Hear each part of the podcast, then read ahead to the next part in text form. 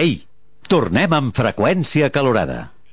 El magazín fric estiuenc de Ràdio Premià de Mar.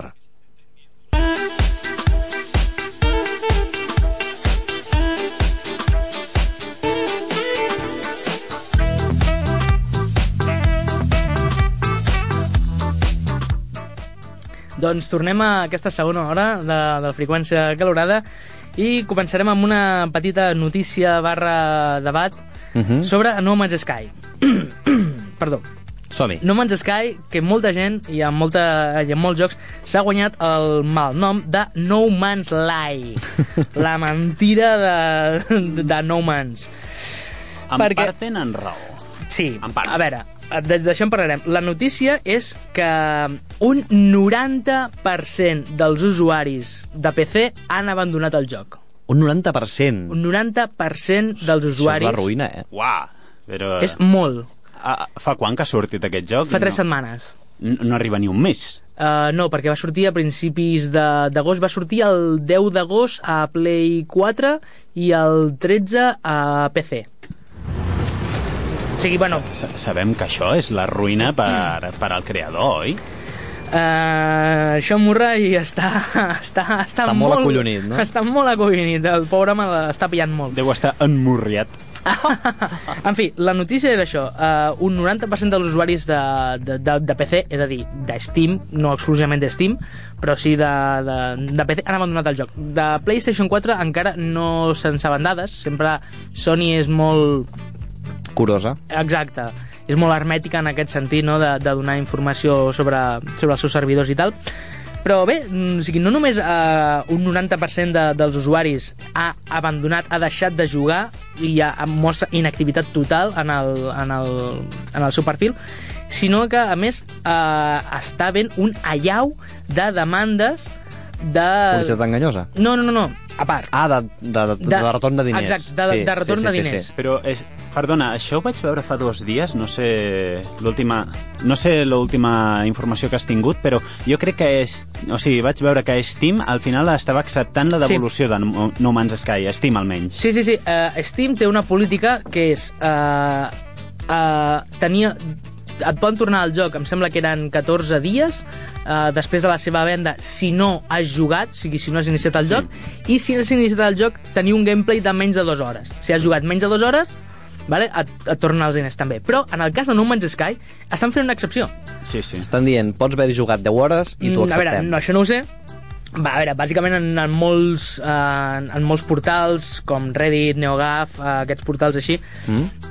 Eh, es veuen casos de, de, de gent que ha aconseguit que els hi tornin els diners, però una mica a la vieja usanza, és a dir, trucant a algun responsable de Steam, en plan de, i te voy a dar la chapa por teléfono, Vale. vale? de dir, mira, tio, em sap molt de greu, vale? però és que em sento enganyat, em sento estafat amb aquest joc. Mhm. Estic pagant 60 euros per una cosa que no és el que m'havien eh, dit. Mhm. I en aquí és on entrem una miqueta en el, eh, en el debat, no? en, el, en, el, en el cos de la notícia sobre, sobre aquest desastre de, de No Man's Sky. Jo eh, he aprofitat Uh, he anat a la sala Gràcies, he, David. he jugat, he jugat al, al joc, al No Man's Sky això és 100% veritat i vaig estar jugant-hi durant 4 dies a una mitja de, de 5-6 hores per dia. Perquè els jocs en allà els llogo per 5 euros 5 dies, d'acord? Ah, està molt bé, no? Sí? Al final... Sí, sí, sí. sí. Vale, Per vale. això en David va poder jugar-lo i estar-s'hi 4 dies jugant tranquil·lament, sense Sí, problema. sí, sí. Per, per dos motius. Un, perquè era un joc que, em tenia, que tenia molts dubtes i el joc val 60 euros i no estava molt segur de què és el que em trobaria si realment valdria la pena gastar-me aquesta dinerada, o sigui, aquests 60 euros, Mm. i vaig decidir jugar-lo, que de veritat, i ara així us avanço, que si teniu l'oportunitat trobo que és la millor manera de, de, perquè ens en feu una idea. Podeu veure també gameplays a YouTube i moltes d'aquestes coses, però jo us aconsello que, que, que, el- que el proveu. Si teniu algun amic que us el pot deixar, o teniu algun local que, que el podeu jugar, o si, O si voleu venir a la sala d'oci a jugar-hi o a casa vostra o a la sala. Correcte perquè us en feu una petita idea. Uh, doncs, com bé us dic, eh, tinc aproximadament un... He, he estat jugant 20 hores en aquest joc i me n'he pogut fer una, una idea un, una miqueta bastant aproximada sobre el que és el joc i el que ofereix i si realment és publicitat enganyosa. Puc donar fe que en David va arribar i em va estar ensenyant com funcionava el joc i crec que s'hi ha estat prou estona com per saber de què anava. Correcte. Va, vaig estar jugant a la, a la plataforma PlayStation 4. Per començar, direm que el llançament en, en PC va ser bastant... bastant en, va tenir bastant en, entrebancs. Van tenir que patir un, un retras de 3 dies respecte a la plataforma de PlayStation 4, cosa que ja també bueno, ja després, de, una mica. De, després ja de, de tot el que la gent estava esperant aquest joc, doncs dius, bueno, tres dies tampoc passa res.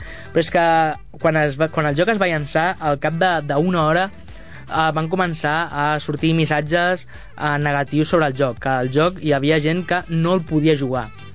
Sigui, recordava una miqueta el cas del, de l'Arkham City, del llançament de Steam, que va ser horrible. Uh Mhm. -huh. Aquell joc Steam el va retirar del, de, de, de la pàgina, de, de la seva botiga, Mm. perquè el joc no funcionava, és que literalment no funcionava. Doncs No Man's Sky va patir una miqueta una cosa semblant. Fins i tot eh, gent amb, amb PCs superpotents, amb, amb gamma, de gamma alta, que no tindria que tenir cap problema en córrer, en, en, fer, en fer funcionar aquest, aquest joc. Un doncs, PC Master Race. Exacte, doncs aquesta gent no... És que directament això, és que deien... És que no xuta, el joc no arrenca. O sigui, no, és impossible. I va tenir que sortir Sean Murray explicant que no, que tenies que agafar la targeta gràfica, ficar-los unes opcions i tal. Per l'amor de Déu. Dius, uh, no. O sigui, no pots Així fer això. no funciona un joc. Mm, vull dir, mm, no pots fer aquestes coses el, el dia de llançament. A més a més, que ja l'has llançat 3 dies més tard que, que, que, que una altra plataforma, com, com és PlayStation 4. Després el joc no només tenia problemes per arrencar, el joc té, té problemes de, de bugs, té problemes de, de, de, d'errors gràfics, errors de, de textures, errors de... Una de les grans queixes és que hi ha una, una latència molt baixa. És a dir, el joc va molt lent. Els frames per segon és a dir, la, com es mou el joc, normalment doncs, en cinema són 24, 24 Mhm. frames, Mhm. en videojocs la mitja tot i que l'ideal serien 60, doncs la mitja sol estar en 30, però és que en el No Man's Sky, en alguns punts, arribava a 10 o 20, Hòstia. o 20 frames per segon, és a dir, a una Ah, guai. càmera lenta molt bèstia. I dius, bueno, però és que potser és que hi ha moltes coses en pantalla i el joc li costa. No, no, no, és que aquí ve una altra de les parts ne- negatives del joc i d'una de les parts que la gent també s'ha queixat molt, perquè en el vídeo que es va eh, ensenyar a l'E3 al 2013, perdó, al 2014, es podia veure un planeta eh, taronja, amb uns colors supervius, amb, una, amb uns dinosaures, mm -hmm. amb uns animals, amb una vegetació frondosa, Molta fauna. amb molta Flora. fauna, amb molta flora... Uh, realment era, era espectacular i, i per això jo quan, el quan vaig veure aquell vídeo vaig dir, vale, m'encanta el que estic veient no vull veure res més perquè no, no vull saber exactament que, com va la cosa vull trobar-me directament amb, amb el joc acabat no? de dir, vale, això és el que m'heu promès això és el que m'heu ensenyat Uh -huh. i això és el que vull veure Uh -huh. i realment no és així. El joc eh, el joc parteix una fórmula... És un joc eh, proce- procedural, eh, pro- procedimental, Uh -huh. que vol dir que es genera a mesura que tu vas explorant. Vale? Una Però miqueta... això queda ja generat per sempre? O En pot, ser sí. que, o pot ser que t'allunyis i el tornar no hi sigui? A veure, si allò queda, allò queda per sempre, Sí. vale? Eh, llavors, el joc parteix d'una base matemàtica, d'un algoritme matemàtic, en el que tots els planetes es generen d'una forma aleatòria. Sí. És a dir, bé, tal planeta té tal climatologia, té tal fauna, té tal tal, tal, tals animals, vale? té, té aquests minerals, té aquesta muntanya, té aquests mars, etc etc etc. Però el problema és que és molt trist, és molt, molt poc... Eh, té, Té poca xitxa. Té, té, té molt poca xitxa, vull dir, els, els planetes són o tot desèrtics, Mm. o tenen arbres, o, o mar. Però no hi ha rius, no, no hi ha cascades... Uh, sí, hi ha coves, però són coves que tampoc duen enlloc, vull dir, no té gaire sentit començar a explorar una cova perquè no trobaràs res al final de la cova, o sigui, no trobaràs un material extremadament estrany que no hi hagi en, en la resta dels planetes. Mm. Um, la, la fauna, o sigui, els animals, són molt tristos. Vull dir, potser en un planeta doncs, hi ha 10 espècies d'animals. I, clar, i en, i en el vídeo promocional veies, doncs, hi ha 10 espècies en un, en un sol lloc. I no, no, és que aquí són 10 espècies repartides en tot el planeta, i busca'ls. dius... Uh, a més, són bitxos molt lletjos. o sigui, hi ha un vídeo que corre per YouTube que és uh, el No Man's el Sky. tiranosaurio ese amorfo Exacte, el- el- el- el- l'expectation versus reality on es veu el vídeo promocional i eh, després es veu el vídeo de l'actual amb la música de Jurassic Park i és molt trist. és molt trist aquell vídeo, perquè, però és que realment és allò. Després, doncs, ja, ja et dic, uh, es va prometre un online. Es va prometre un joc online on ells deien, bueno, pensa que l'univers és, és infinit. A veure, ja vam parlar, vam donar la notícia que perquè una persona Es trobés amb un altre? Uh, no, no, perquè una persona pogués veure tots els planetes es tindria que tirar no sé quants milers d'anys. Sí. Estan una mitja d'un segon per planeta. Uh -huh. Clar, doncs tenint en compte a, aquesta immensitat de- d'univers i d'espai, clar, ells van dir, bueno, serà molt difícil que et puguis trobar amb una altra persona, però serà possible. Mm. Aquestes van ser les paraules, serà possible. I això és una altra promesa que tampoc s'ha complert. O sigui, quan s'ha llançat el lloc, la gent, la gent ha preguntat per, per l'online i directament el que han fet els de Hello Games, que són els creadors, han, han dissimulat, o sigui, han mirat cap a una altra banda en plan de, ah, pues sí, pues parece que va a llover, en plan de, eh, eh, eh, pero hay online o no? Pues esta tarde me voy a ir a de compras, pero hay online o no? No.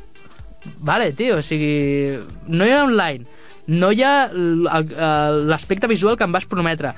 Uh, tornem al planeta de, de, de l'E3. Aquell planeta, o sigui, en veritat sí que existeix, però existeix en una carpeta separada del joc Per favor. creada exclusivament per, per aquella demostració. O sigui, aquell planeta no existeix en el joc. O sigui, No van va agafar... ser generat aleatòriament. Exacte, no va ser joc. generat aleatòriament com la resta dels planetes. O sigui, estava tot ficat en allà perquè lluís bé. Dius, tio, és publicitat enganyosa. Mm. No m'estan ensenyant això.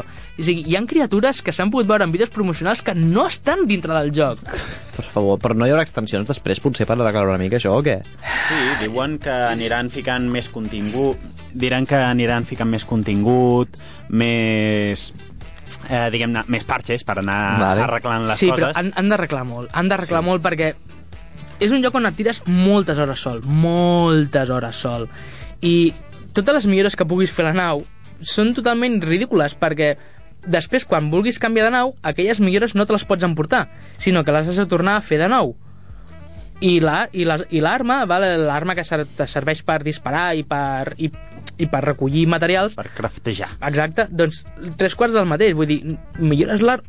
Perdó, millores l'arma, però quan et canvies d'arma, les millores que li has posat en aquella, en aquella arma no les pots treure i posar-les en l'altra, sinó que directament llences l'arma i agafes la nova i, la, i has de tornar a ficar-li totes les millores. A més a més, aquestes millores no tenen repercussió visual, o sigui, tu veus la- l'arma tal i com te la donen al principi i després de ficar-li 50 millores, l'arma visualment és la mateixa. No tens aquesta sensació de dir, hòstia, m'he currat una arma, me l'he hecho to guapa, Mm. i, i, i, dona, i dona goig. Doncs no, no, no es veu. I, i la nau també.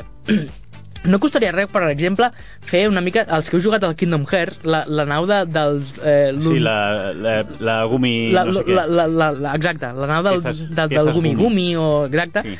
que tu construïes la teva nau com, i li anaves posant cosetes, no? I dius, doncs mira, aquí li posaré un alerón, aquí li posaré aquest morro, li posaré el motor aquí, li posaré el motor allà, vale? Que és una xorrada, és una collonada, però, però cony, ja m'estàs donant una opció de, de, de personalització de la meva nau en la qual mitraré hores que, que ja em farà de, de, de, mira, doncs em buscaré aquest material perquè li puc ficar aquest, aquest complement a la nau. Doncs no, no està això. O sigui, la nau és així i la nau sempre serà així. I quan canvis de nau et fotràs perquè serà una nau totalment diferent i Jo he de dir per això, amb tot, estan, estan, estan bastant d'acord amb el que diu el David per això, he de dir que de totes maneres és un joc que jugar-lo és guapo i que val Sí. la pena fins a cert punt. Sí, sí, sí. Perquè jo, personalment, el, la sensació aquesta d'estar caminant per un planeta, no? que és immens, que no l'acabaràs, Mm, que no, no. l'acabaràs de cap de les maneres, que vas tirant, que de sobte agafes la nau, t'alces una mica i entens per què no l'acabaràs. Veus que era immens, que, que només amb la nau podries estar-te una estona recorrent el planeta amb la mateixa nau, no? I aleshores sortir de l'òrbita i girar-te un moment i veure lo immens que és aquest planeta davant teu. Jo això no havia experimentat mai, aquesta sensació en un joc tan, tan, tan heavy, tan de...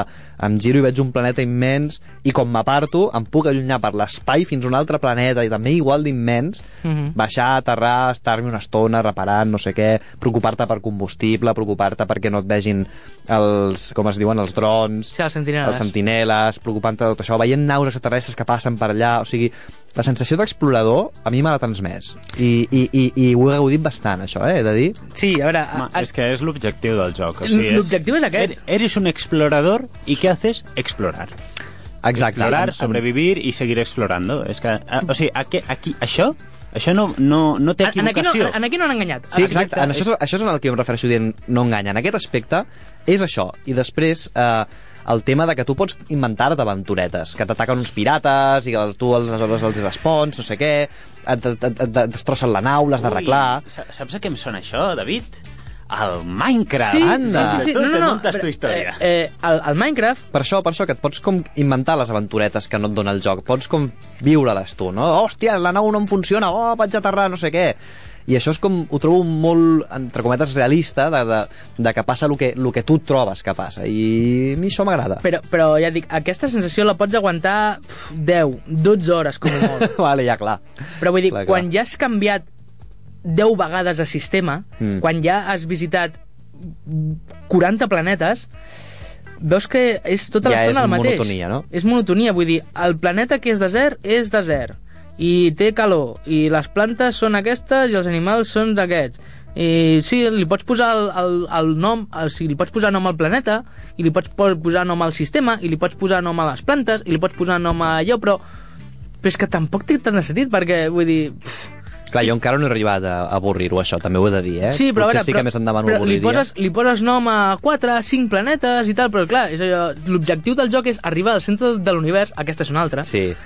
Uh, però clar, són molts planetes els que has de visitar, molts, moltíssims, i dius, bueno, l'objectiu és arribar al centre de l'univers, i em sap molt de greu, vale, perquè el que diré ara és spoiler, i, és, i us diré què és el que passa al final del joc, però crec que ho heu de saber. Ho heu de saber si abans de, de, de, de poder jugar, perquè és important que sapigueu això. Quan arribeu al centre de l'univers, l'únic que hi ha és res. No hi ha res. El joc agafa i et diu te da una palmadita en la espalda, muy bien, Has chaval. llegado. Has llegado y ahora vuelve a, la, vuelve a la partida, vuelve a la casilla de salida y vuelve a empezar. Ah, eh, què dius? Ja està. Vale. És tot el que hi ha. O sigui, no hi ha una gran revelació, no hi ha un vídeo on et donen algun premi... No, no, no hi ha res. No hi ha res. Palmadita en l'espalda i vuelve a empezar, chaval. És com quan col·lecciones els 151 Pokémons i et donen un diploma caca. És igual, però amb el sense... O sigui, a Pokémon, jo que sé, has passat una aventura i, i has, i has I, anat ten, per i, tens, I tens pobles. 150 Pokémons. I tens 150 Ah, Pokémons, però és que, però és que a, a, a No Man's Sky no hi ha res. O sigui, no té cap sentit res de tot el que facis perquè no té importància. Sí, el nom del planeta, tothom podrà veure que aquell planeta l'has descobert tu. Però és que tampoc podran veure, o sigui, tampoc podran dir, vale, pues muy bien, pues lo ha descubierto fulanito, pues fantástico. ¿Y a mí qué? O sigui, el planeta de, de fulanito tiene lo mismo que el que, que, que el que tiene menganito. Mm. Vull dir, no té cap sentit que tu proclamis un planeta perquè... És una mica com al, al final de, al final de Guerra a la Cola de Dios, que es veu el tio amb la barca dient esta tierra és mia, i esta mia, i esta mia, que dius, vale, Pues sí, no. perquè ho estàs dient en veu alta m'ho de creure, no? Però... Però vull dir, Sí, sí, sí. sí. és tan de vàlid que tu tinguis aquest planeta com que jo en tinc l'altre, perquè els recursos són exactament els mateixos, Mm. potser canviarà algun recurs i tal, però hi haurà iridio, hi haurà plutonio, hi haurà zinc, hi haurà... Mm. Bueno, i ja per no parlar de tot el que és l'inventari i tot allò, perquè si no ja entraríem en... Però, en fi, aquesta és la meva opinió de, del No Man's Sky, la notícia d'aquest 90% de jugadors que han abandonat el joc, que s'han sentit estafats, la, la llau de, de, de crítiques negatives que està rebent, doncs és una miqueta això. El joc és... mo- O sigui, les coses que té són molt interessants i a mi, de veritat, em sap molt de greu que s'estiguin donant aquests, eh, aquests pals, perquè sobre el paper el, la, el que plantejava el joc era era molt apetitós, era molt sucós, mm. o sigui, era, és el que tu deies, de dir, hòstia, tinc ganes d'explorar i tinc ganes de tot allò, però quan hi jugues i portes ja 10 hores dius, "Uf, Ja està. mm, ja està, vull dir... No t'ofereix res més. No, no t'ofereix res més. No, el... Abans deies del Minecraft. Al Minecraft encara pots construir coses i pots quedar amb amics per, per fer les teves pròpies històries. I si vols, et pots muntar una casa i te muntes la casa. I també hi ha els reinos, que ara són fins i tot ah, el propi joc ha tret reinos que són ja ciutats o Eh. mons creats, en plan de podes estar en tota la, tota la maleïda tierra de Juego de Tronos amb tots els seus castells i tot. Vale, o sigui, uh, Minecraft també és veritat que porta molts anys dedicant-se a això. també.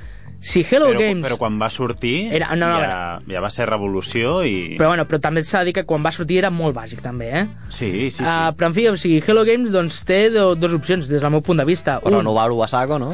o dedicar-li anys, però anys, i quan dic anys, doncs són potser, doncs, igual que Minecraft, o sigui, 5 anys de, de la seva vida en incorporar coses i potser la gent torna a jugar-hi, però ara per ara veig molt poc probable que la gent que, que hi ha jugat doncs, 20, 30, 40 hores trobi un al·licient suficient com per tornar-hi, vull dir, o milloren molt les coses o, si, o li implementen online o tal, però en fi, uh, una miqueta Uau. això és el que hi ha sobre No Man's Sky. Ja us dic, jugueu-hi, és molt recomanable, jugueu ni que sigui per treure les vostres conclusions i per veure una cosa que no s'ha vist mai fins ara, aquest, aquest concepte d'exploració espacial. Però ja està, vull dir, tampoc... una- És un experiment que a 60 euros, la veritat, jo no els pago. Mm. És Per això la- teniu la sala. Correcte. I bé, si voleu dir alguna cosa també sobre No Man's Sky, No Man's Life, Dit queda. doncs apa, ens anem a parlar sobre una altra cosa que també ha portat molta polèmica.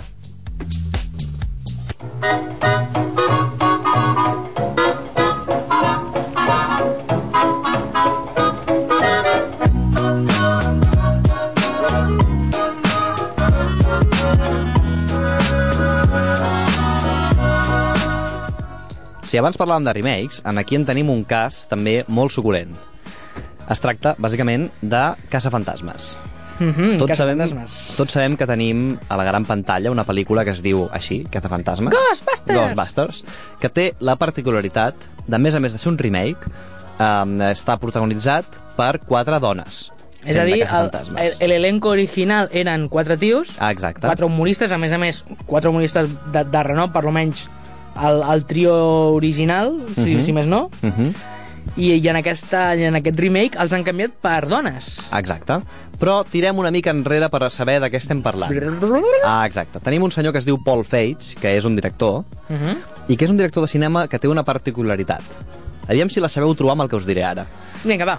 Una de les pel·lícules que més, diguem, que, que, que, que més es va comentar al seu moment d'aquest senyor i que el va fer saltar com qui du a la fama, es deia La boda de mi mejor amiga, Mhm. Ah, bueno, sí, a veure, eh, ¿vale? va tenir bastanta bona, bona crítica. Va agradar i- molt, va tenir agradar molt d'èxit. Uh -huh.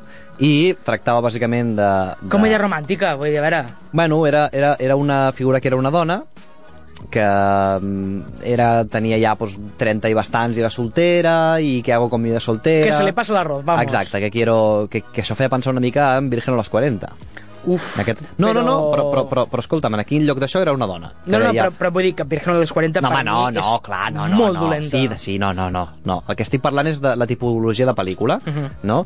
Hombre que està ja virgen i que no sé què, i que, doncs aquí tenim una dona que tenia aquesta edat i que la, la seva millor amiga la convida a ser la... A la boda. A la seva boda, vale? No ho hagués endevinat mai pel No, títol. però, bueno, la convida a ser la... La dama d'honor. La, la dama d'honor, d'acord? Després d'això va arribar una que es deia Cuerpos Especiales, que Mhm. anava de dues dones que eren espies Mm. i que es portaven fatal entre elles i que havien d'anar a una missió i s'havien d'aprendre a estar bé. Això que ens sona? A una body movie. Sí. Però no, però és una fem movie, en aquest cas, no? O sigui, Bueno. bueno. és una body movie amb dones. Sí, sí, sí. sí, vale? sí, sí. Després d'aquesta pel·lícula va arribar la que de moment jo crec que es considera la millor del Paul Feig, que és Espies.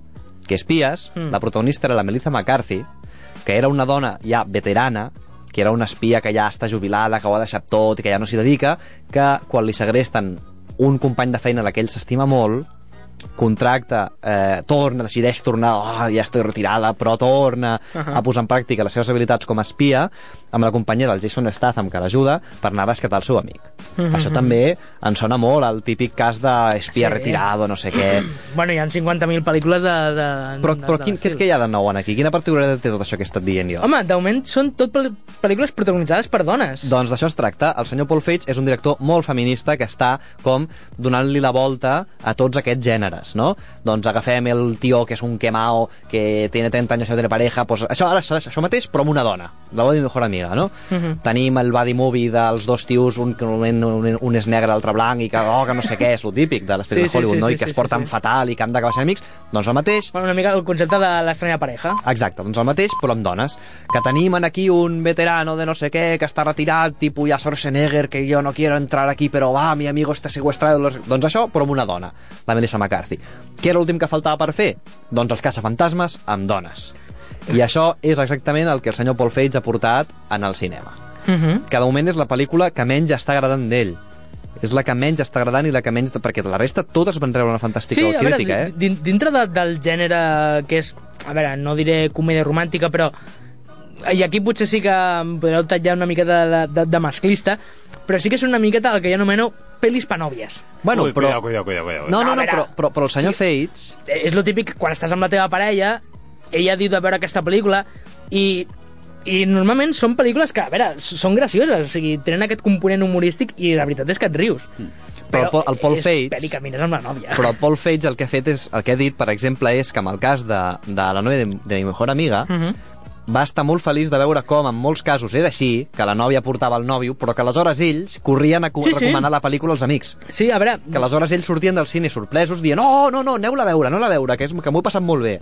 No? I que ell no para de dir que el seu objectiu és aconseguir que les pel·lícules siguin protagonitzades per home o dones, sigui el mateix. Que Mhm. ningú s'hi fixi en aquest detall, que ningú és d'allò i, que, i que, bueno, que la dona tingui un paper en el cinema igual d'important que el de l'home. I això és exactament el que es proposa amb Caçafantasmes, que jo hi vaig anar sense nòvia, sense res, i vaig anar jo a veure-la felicíssim, i he de dir... Però Martí, tu portes el cabell llarg.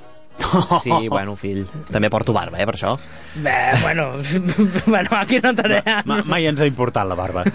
No, però en tot cas el que volia dir jo és que he de dir que els fantasmes aquests que tenim ara del senyor Paul Feig, jo m'ho vaig passar fenomenal. Sí? Vaig passar una estona divertidíssima, no direm que sigui una obra mestra, perquè tampoc ho pretén, però trobo que és una pel·lícula que compleix exactament amb el que es proposa, i atenció, per mi és el primer remake d'aquest any que veiem que no té gust de refregit, que té personalitat, que té un estil propi, que té una vida, que és una pel·li que és aquesta, que sí que té els guinyos, sí que té eh, les referències, però que per sobre de tot és una pel·li amb personalitat, amb un esperit propi, amb molta ànima i molt de l'estil del director. Mhm. sobre, sobre el que has dit de, de, de remake, a veure, és un remake, és un reboot, és una seqüela, és una preqüela...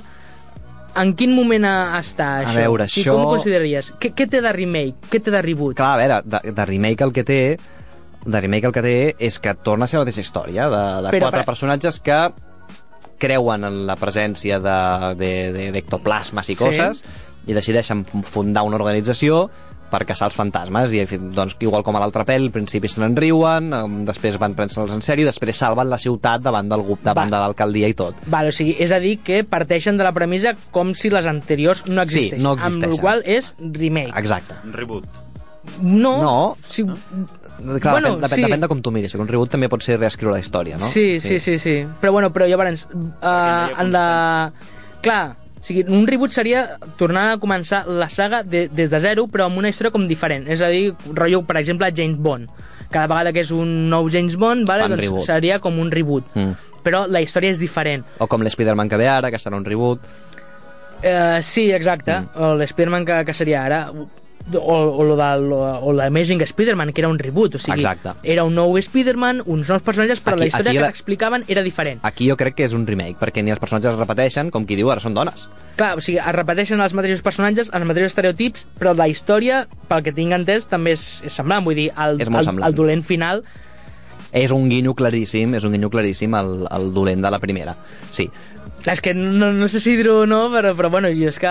Sí, sí, sí, És que sí. han sortit ninos, és que també aquí va haver-hi un problema... He de dir que jo no ho sabia, per això aquí era, quan la vaig anar a veure. No, és però- que es va parlar perquè va haver-hi un problema amb el merchandising que, que es van vendre ja a Ninus on sortia un, El- una icona de, de la pel·li antiga i esclar, la gent quan va veure fer un vale, ja, ja, No, no. ja, ja sé com acabarà la cosa i si heu vist l'original ja podeu intuir més o menys per, on van els trets sí. amb la qual doncs és un remake eh, més remake que no per reboot Sí, aleshores tenim en el, en el, en el paper protagonista Melissa McCarthy un altre cop, no? Mhm. Tenim a Christine Rich, Wright, no? A la Leslie Jones i a la Kate McKinnon, que que és... un- maquinón No, eh, d'acord. La, la Kate McKinnon és una actriu obertament lesbiana que va sortir de l'armari al Saturday Night Live, Mhm. vale? va sortir públicament i es va convertir en la primera persona en sortir de l'armari públicament en un show televisiu. bueno, estava la, la presentadora que, va- que presentava Sí, els però Oscars, ella... la... Sí, la, la DeGeneres. Això. Però ella no va sortir de l'armari en un programa. Ella ja se sabia que ho era i aleshores el programa. Aquesta, en un programa en, en directe i d'allò... En directe va dir en va plan de... Sí, sí, que me gusta la Merfelpudo. Ah, Exacte. Sí, eh, eh, gràcies, David, per contribuir Da- David, en la vena acabes feminista. de passar l'Strike 2, queda uno... M'estic i jugant la el. Genís. Em sap Sí. molt de greu, em sap molt de greu. Eh, dic el que va dir ell l'altre cop, freqüència modulada no es fa responsable d'aquests comentaris. Sí, sí, perquè la veritat és que entre la setmana, l'altra setmana amb el Juan i Sí, exacte, jo sí. avui m'estic cobrint de glòria. El que- em sap el- molt de greu, demano disculpes, No, no, el- el un que- pèl ofensiu. El, el que vull dir és que mm, aquest, aquesta actriu, en aquesta pel·lícula, interpreta un personatge que està bé perquè no té una, una orientació sexual definida. No sembla ser gaire um, heterosexual, però tampoc... Però després, quan apareix, per exemple, el, el senyor Chris Hemsworth, com- Hemsworth. Hemsworth, el Thor, Chris Hemsworth, Uh, sí. Chris Hemsworth també se'l mira, no? Però bueno, però és un personatge que està més enllà d'això, no? Va, És, i- és un gamberro, és una gamberra, és tot això. Jo diria que el personatge, si més no, de, del plantell original, és una miqueta el que més em crida l'atenció, perquè em recorda uh, més a, a l'Stein, el personatge de, del, Sí. del més científic, no? Sí. que està més volat. És que fa, fa d'ell. Fa d'ell, no? Fa d'ell, sí. Perquè ja recorda una miqueta, doncs, amb el tupé cap a dalt... Fa d'ell, fa d'ell, fa d'ell. Les ulleres... I, bueno, i, i, i la imatge que hi ha de, de la tia fotent-li una llapada a la pistola Sí, és un... sí, sí, sí, sí. Ostres, Sí, aquí sí, sí. hay morbo, aquí hay morbo. Aleshores, el, el Chris Hemsworth, Hemsworth, Thor... Hemsworth, Thor, uh, m'agrada molt el seu personatge, perquè, Sí? perquè a banda de que és tonto de remate, però actua bé, ell, perquè es nota que figura que el personatge no sap que és tonto, no és sobreactuat fent de tonto allò, no, no, és tonto de remate, i no hi ha més, eh? però ho fa molt bé. que és el que fa de secretària. O sigui, M'a- M'agrada molt, anava a dir això, perquè ell, Exacte. ell agafa el paper de secretària guapa i tonta, doncs ara és un secretari que està boníssimo i tonto. o sigui, està bé perquè han, han invertit tots els papers. Tots els papers. Sí. I, de fet, inclús la protagonista li va al darrere, en plan de que està bueno, que està bueno. Hi ha un moment que inclús se li amarra per ballar a ella i ell com que passa, no? O sigui, han capgirat tots els rols. És, és divertidíssim com, com surt. Que divertidíssim perquè li diuen a ella però no, aquest tonto, i ell, ja, però està bueno. o sigui, Pren veneno, però huele a canela. Ah, Pren sí. veneno, però huele a canela. i, i, i tota l'estona ella se li aprova, tota l'estona ella, tota l'estona està allà en plan babosa, allà intentant fer acostaments cap a ell. És invertir els rols, insisteixo, és que és fantàstic i divertidíssim. Jo m'ho he passat molt i molt bé i tots els actors estan genials. Sí que té algun gag que pot fer menys gràcia que altres, que, que Bueno. vols, que vols, però he de dir que jo he passat una estona fantàstica. És molt divertida. Sí, d'augment la, la recomanable, no? Sí, perquè això demostra una cosa, jo crec, que per ser feminista o per ser um, trencador, revolucionari amb aquestes coses, es pot ser comercial també i agradar a tothom i no només fer una pel·li independent que reivindica els drets. No, no, no, no, no. Aquesta pel·li és una pel·li molt feminista. Sigui, no cal que vegis la vida d'Adele per dir... Exacte, exacte. Però aquesta pel·li és molt feminista, aquesta pel·li és molt antitòpics, és molt de capgirar i en canvi és divertida, entretinguda, comercial, per veure de tothom. Molt bé, I molt per bé. mi aquesta, aquí està la gran, la, la gran victòria d'aquesta pel·lícula. Podríem dir que és... Bueno, eh, que aquest estiu hi ha hagut bastants pel·lícules, però de moment ens quedaríem amb aquesta com la pel·lícula de l'estiu. De moment sí, quan hagi vist el, el, el Jason Bourne, aleshores t'ho diré. He sentit cosetes... Jo he sentit de tot, jo he sentit de tot. Aleshores, uh, sí, de moment sí, perquè Star Trek està bé, però tampoc és ha per tant Ah, és com veritat, les Star. Trek. Estava bé, però tampoc és allò. I, uh, sí, sí que podria ser aquesta la pel·lícula de l'estiu, sí, tranquil·lament. de, de, de moment compleix el, la pel·lícula d'estiu fresqueta, que passa bé, amigable... Tot el que esperàvem de Buscant de Dory, sí, ho User compleix friendly. aquí, sí. Vale, molt bé, Exacte. molt bé, molt bé. Vale, per tant, la, jo la recomano, us ho passareu molt bé si aneu disposats a passar-vos-ho bé. Fantàstic. Alguna cosa més? Que llarga vida als reboots que mereixen la pena d'una santa vegada. Reboots que mereixen la pena d'una santa vegada. Jo serà una vida molt curta. Serà molt curta.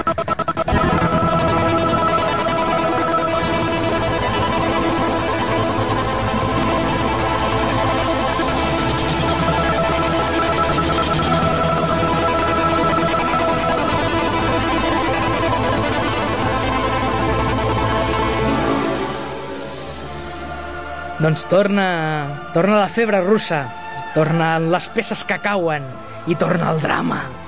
Torna el drama d'aquest joc que va portar de cul a tanta gent per aconseguir-ne els drets de distribució. Perquè avui parlarem una altra vegada de Tetris.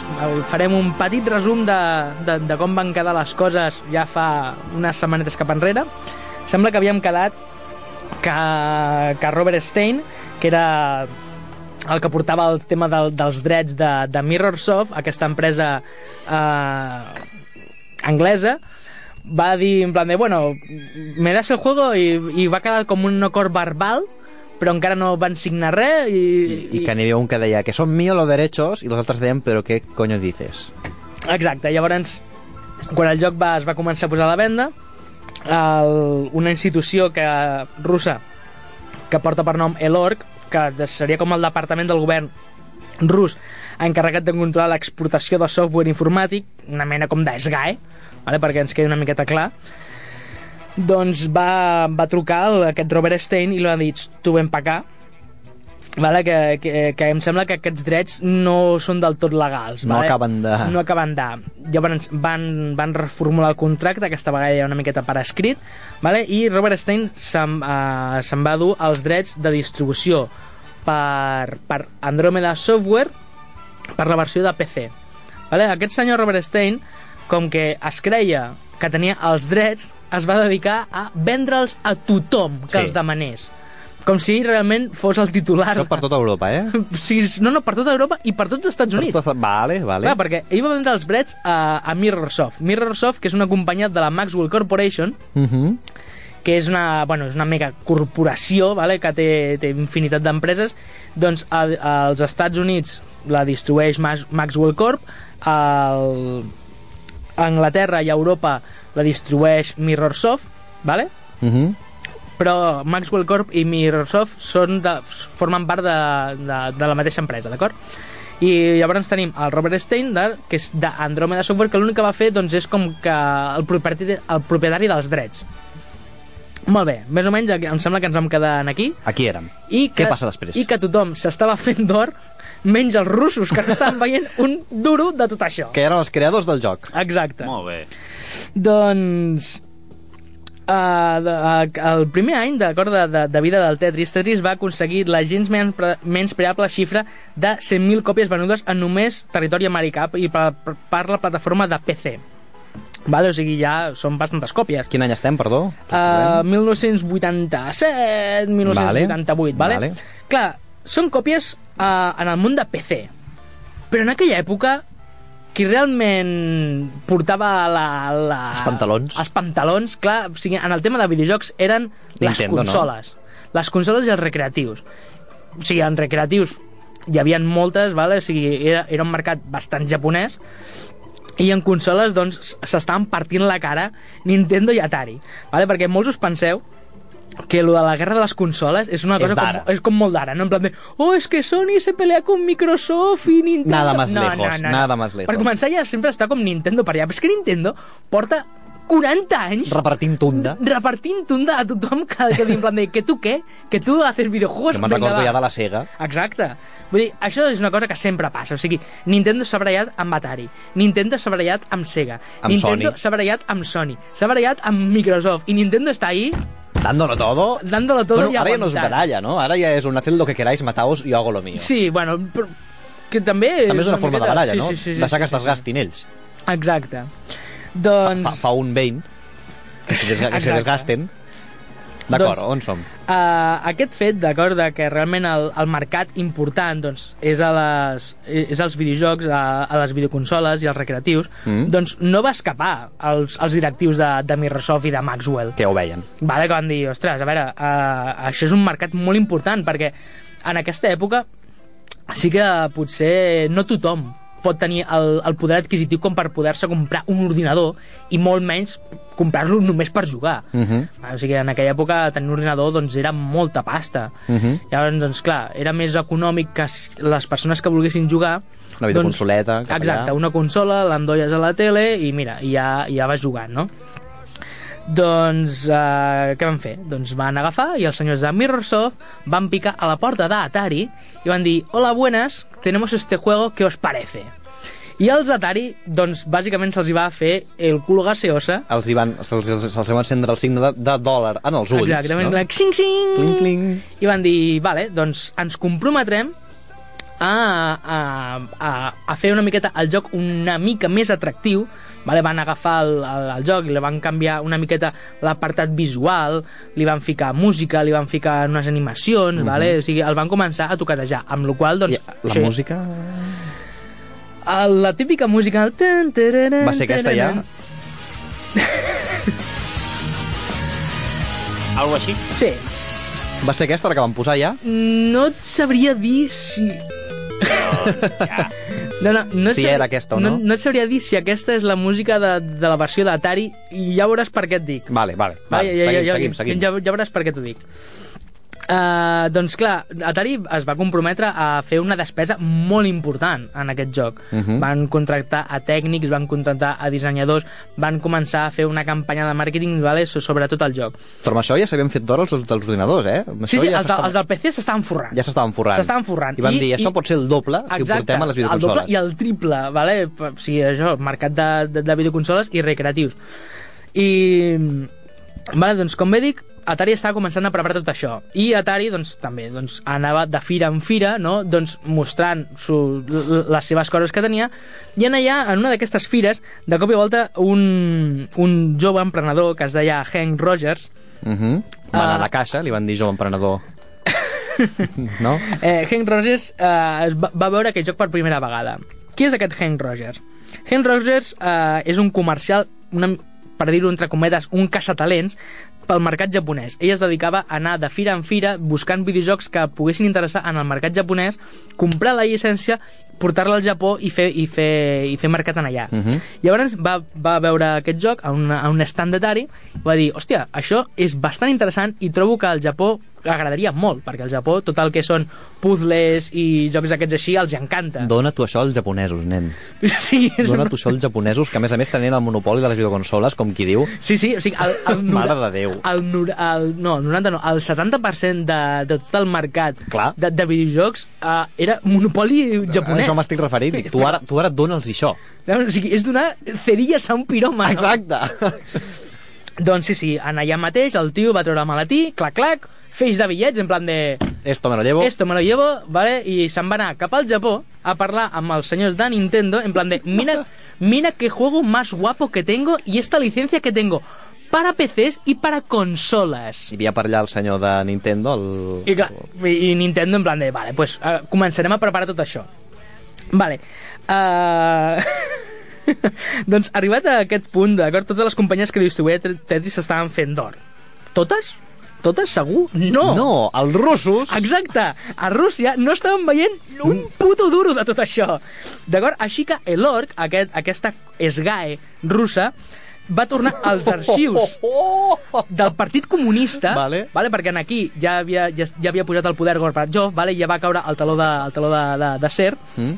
I es van obrir una miqueta, van obrir mercat. Doncs, clar, van tornar als arxius del Partit Comunista a veure quina mena de contracte S'havia fet? S'ha- S'havia fet, que tothom estava s'estava fent A ver, ¿por qué hay dinero por todas partes y aquí no? ¿Qué está pasando? Vale, este, este producto es de aquí y aquí no estamos viendo un duro. ¿Qué está pasando? D'acord? Així que eh, era la feina ideal pel camarada Nikolai Belikov. Hombre, por favor. Venido Belikov, nenes. De moment deixem a Nikolai Belikov, que està revisant el contracte original Vale, o sigui, tenim els russos que diuen senyor Belikov, tanquis aquesta sala i revisi el contracte. i revisa el contracte. Mentre tot això passa, Mentre tot això passa i tothom s'està fent d'or... Sí, menys els russos. Menys els russos. A l'altra banda del món, Nintendo està creant una bomba. Està creant un megaton. Una cosa que canviarà i revolucionarà el món dels el videojocs. director aquell, el Megaton, Exacte. vale? Perquè Nintendo està a punt de llançar al mercat la Game Boy. Vale? Vale? Game Boy que, a més a més, va, es va fer d'or gràcies al Tetris. Precisament. Re recordem, perquè Nintendo va dir volem que Tetris sigui el joc de llançament de la Game Boy. Vale? perquè tenim superclar que aquest joc triomfarà en la consola portàtil. És un joc ideal per la consola portàtil. Uh -huh. Així que Nintendo va agafar, va trucar a Hank Rogers, aquest caçatalents, eh, que va portar el joc al Japó, i va dir, escolta, nen, necessitem els drets per consola portàtil. Uh -huh. Ho pots aconseguir? I Hank Rogers va dir, cap problema. Por supuesto, Tito. Por supuesto, Tito, tranquilo, tranquilo figura. I, i Hank Rogers va trucar al, al, al primer de tots, o sigui, a la font original. Va trucar a Robert Stein, que és el que va aconseguir els drets per primera vegada. Li va dir, senyor Stein, necessito que em representi a, no, a, a Rússia en el meu nom per aconseguir els drets de les consoles portàtils.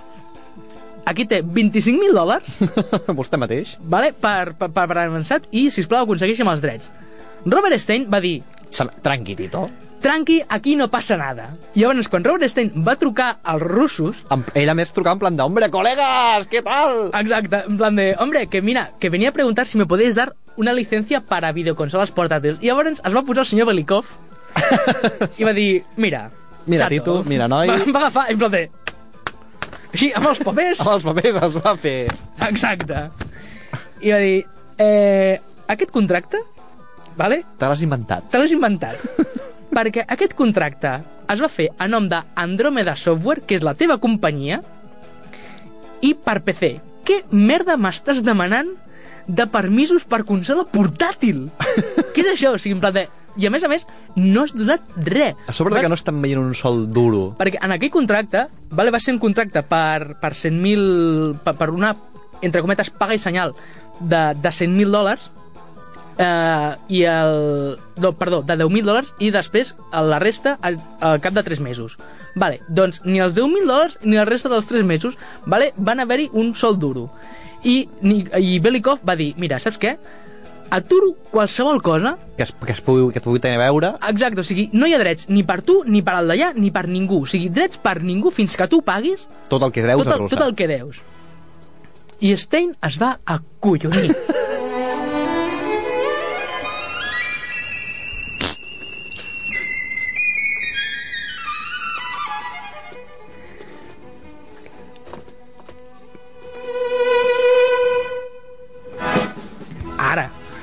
esperant aquí el, Total, el, el total. Que el senyor d'allò se li fa el cul petitet. Stein se li fa el cul petitet i a més a més és un, és un xaquetero perquè el que Hank Rogers, que és el de Nintendo, no sabia és que Stein estava treballant per ell i per Mirrorsoft per, Toma la, ja. per, per la Maxwell Corporation Vale. i llavors eh, el tio diu vale, eh, això ho hem de solucionar d'acord? Qui ho diu, això? Eh, eh, tant l'Stein L'Stein diu, noi, tenim aquest problema, Exacte. anem a arreglar-ho com puguem. ah, a més a més el, el Hank Rogers, el de Nintendo l'està trucant cada setmana en plan de què hay de lo mío Que lo tienes, que lo tienes, que lo tienes, que lo ara, tienes, que ara. tienes. Clar, I l'altre diu, no, no, Fa, no. un, fa un No Man's Sky, Exacte. fa un No Man's Sky, fa un luego, luego... Ah, sí. No Man's Sky no va ser el primer, eh? Sí, sí, sí, sí, sí, sí, sí. doncs, doncs bé, al febrer de 1989, Hank Rogers, Jo hi havia nascut. Exacte, Hank Rogers, que és el, recordem, el representant de Nintendo, Sí. es va cansar d'esperar, vale? i va dir, em sembla que aquest tal Robert Stein me l'està fotent doblada. Perquè amb tot això el Robert Stein estava intentant arreglar-ho, no? Exacte, o sigui, el Robert Stein est uh, estava intentant arreglar-ho, però allò, o sigui, estava intentant arreglar-ho per Nintendo i estava intentant arreglar-ho per Per- Atari i estava intentant arreglar-ho per, o sigui, per tot l'altre perquè ell era el que era el, el, el, el dueño i el propietari de, dels drets originals. Sí. Doncs bé, uh, Hank Rogers, que és el de Nintendo, va dir Steam me l'està fotent doblada, me'n vaig en el primer avió que surti cap a Rússia i me'n vaig a Moscou I parlo jo amb els russos. i parlo jo amb els russos. Increïblement, pel, que pugui semblar, que, que, per increïble que sembli, Robert Stein va tenir la mateixa idea aquella mateixa setmana. No!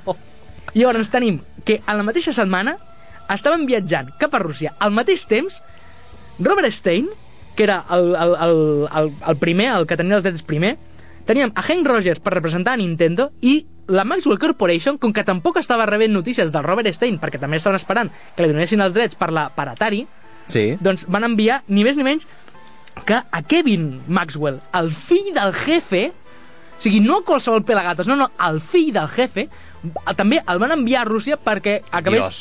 perquè acabés de determinar els drets per consola. Diguem que acabava amb una lluita d'espases, això. Pues quasi. Llavors, Stein i Maxwell tenien cita amb Belikov el mateix dia. Però, Ro. Però Rogers, que és el de Nintendo, com que va saltar-se la torera tots els protocols, vale, li van donar cita el dia següent. Vale. En aquella època tu no et podies presentar, o sigui, tu no podies picar al, a, a Rússia en plan de hola, buenas, que vengo aquí a, a hablar con unas cosas sense que t'estudin, perquè la KGB agafava la teva fitxa i et mirava i et remirava a què et dedicaves, quins eren els teus contactes, on treballaves, on vivies, què havies fet abans, el teu currículum, tot. Ho miraven tot vale? abans de que poguessis accedir al país. Vale. Una mica el no. que fan ara als Estats Units, vamos. Exacte. Doncs ell, con sus huevos morenos, ¿vale? es va presentar allò a Rússia en plan de hola, buenas, Vengo a hablar. vengo a hablar. I el, li van dir, no, no, t'hauràs d'esperar. Les negociacions eh, amb els russos van ser molt tenses. Hank Rogers es pensava que arribaria a Moscou i seria una bassada. En Rogers, recordem que estem parlant Del del, de Nintendo. Del de Nintendo, eh? Vale, el tío en plan de, es súper campechano, a ver, yo voy a llegar aquí y me voy a comer el mundo. Y quan va arribar a Moscou, se comió un mojón. vale. Se comió un mojón perquè ningú el volia ajudar. El tio, en l'hotel, va, va arribar a l'hotel i va dir hola, buenas, eh, el org, o sigui, el- l'edifici de, de l'Elorg, em poden dir on està? I els de l'hotel van dir, no.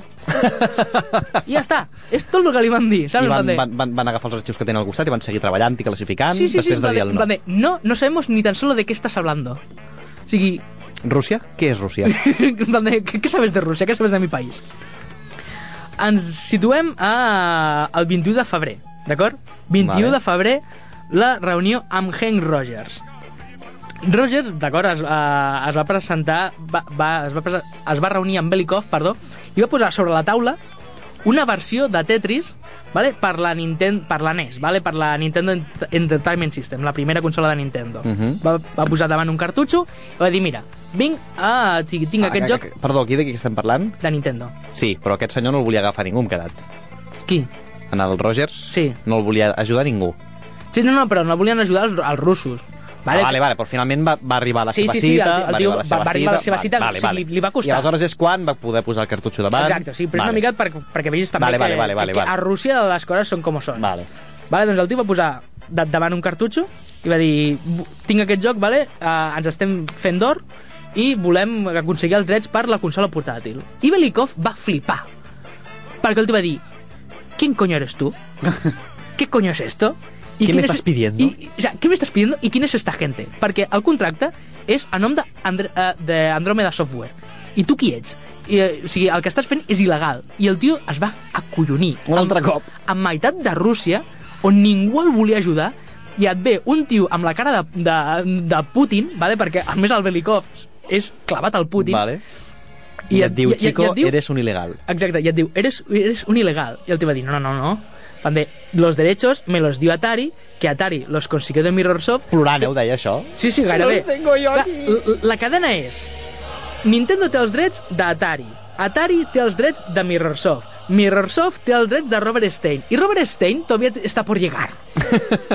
vale, o sigui, i és clar, i i el tio dient, un moment, jo li vaig donar els drets amb un, i aquest un s'ha dedicat a repartir-lo a tothom que li ha demanat? Mira, va dir, uh, em quedo amb el joc, vale? tot això que m'estàs explicant ho posarem per escrit i ja en parlarem.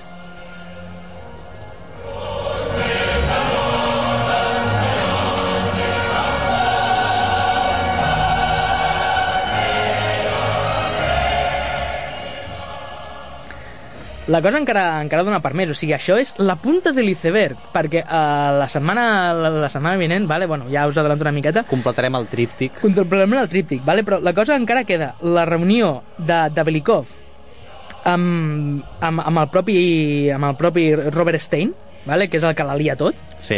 i després, a més, eh, Belikov es va reunir amb Kevin Maxwell, que és el, el, el fill de, de la Maxwell Corporation, que està forradíssim.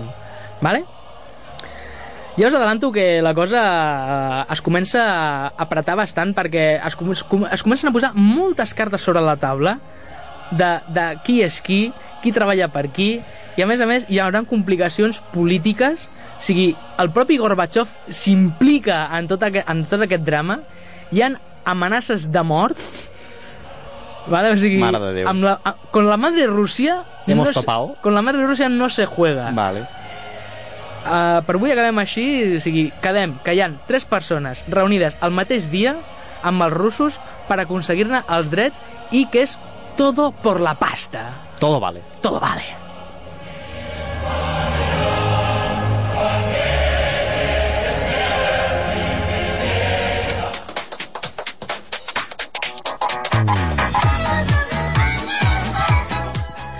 Doncs fins aquí el programa de freqüència modulada. Recordem a tots els nostres oients que ens podeu trobar a les nostres pàgines de Facebook, facebook.com barra freqüència modulada, a la nostra compte de Twitter, twitter.com barra freqüència M, ens podeu enviar tot el que vulgueu, o sigui, les vostres merdes, o sigui, la vostra puntuació al Tetris, si voleu, al nostre compte de, de correu freqüenciamodulada arroba gmail.com i us podeu subscriure als nostres canals de, de podcast de iTunes i de iVox. Uh, aquest matí uh, ha sigut tot un plaer compartir el matí amb el senyor Martí Sala. Molt bon dia. Molt bon dia. Moltes gràcies per haver vingut. El control tècnic, senyor Rodrigo Cullell. Molt bon dia. Molt bon dia. I un servidor de tots vostès, David Tomàs. Això és tot freqüència modulada. I recordeu, si eres bueno en algo, nunca lo hagas gratis. Ràdio Premià de Mar. A punt informatiu.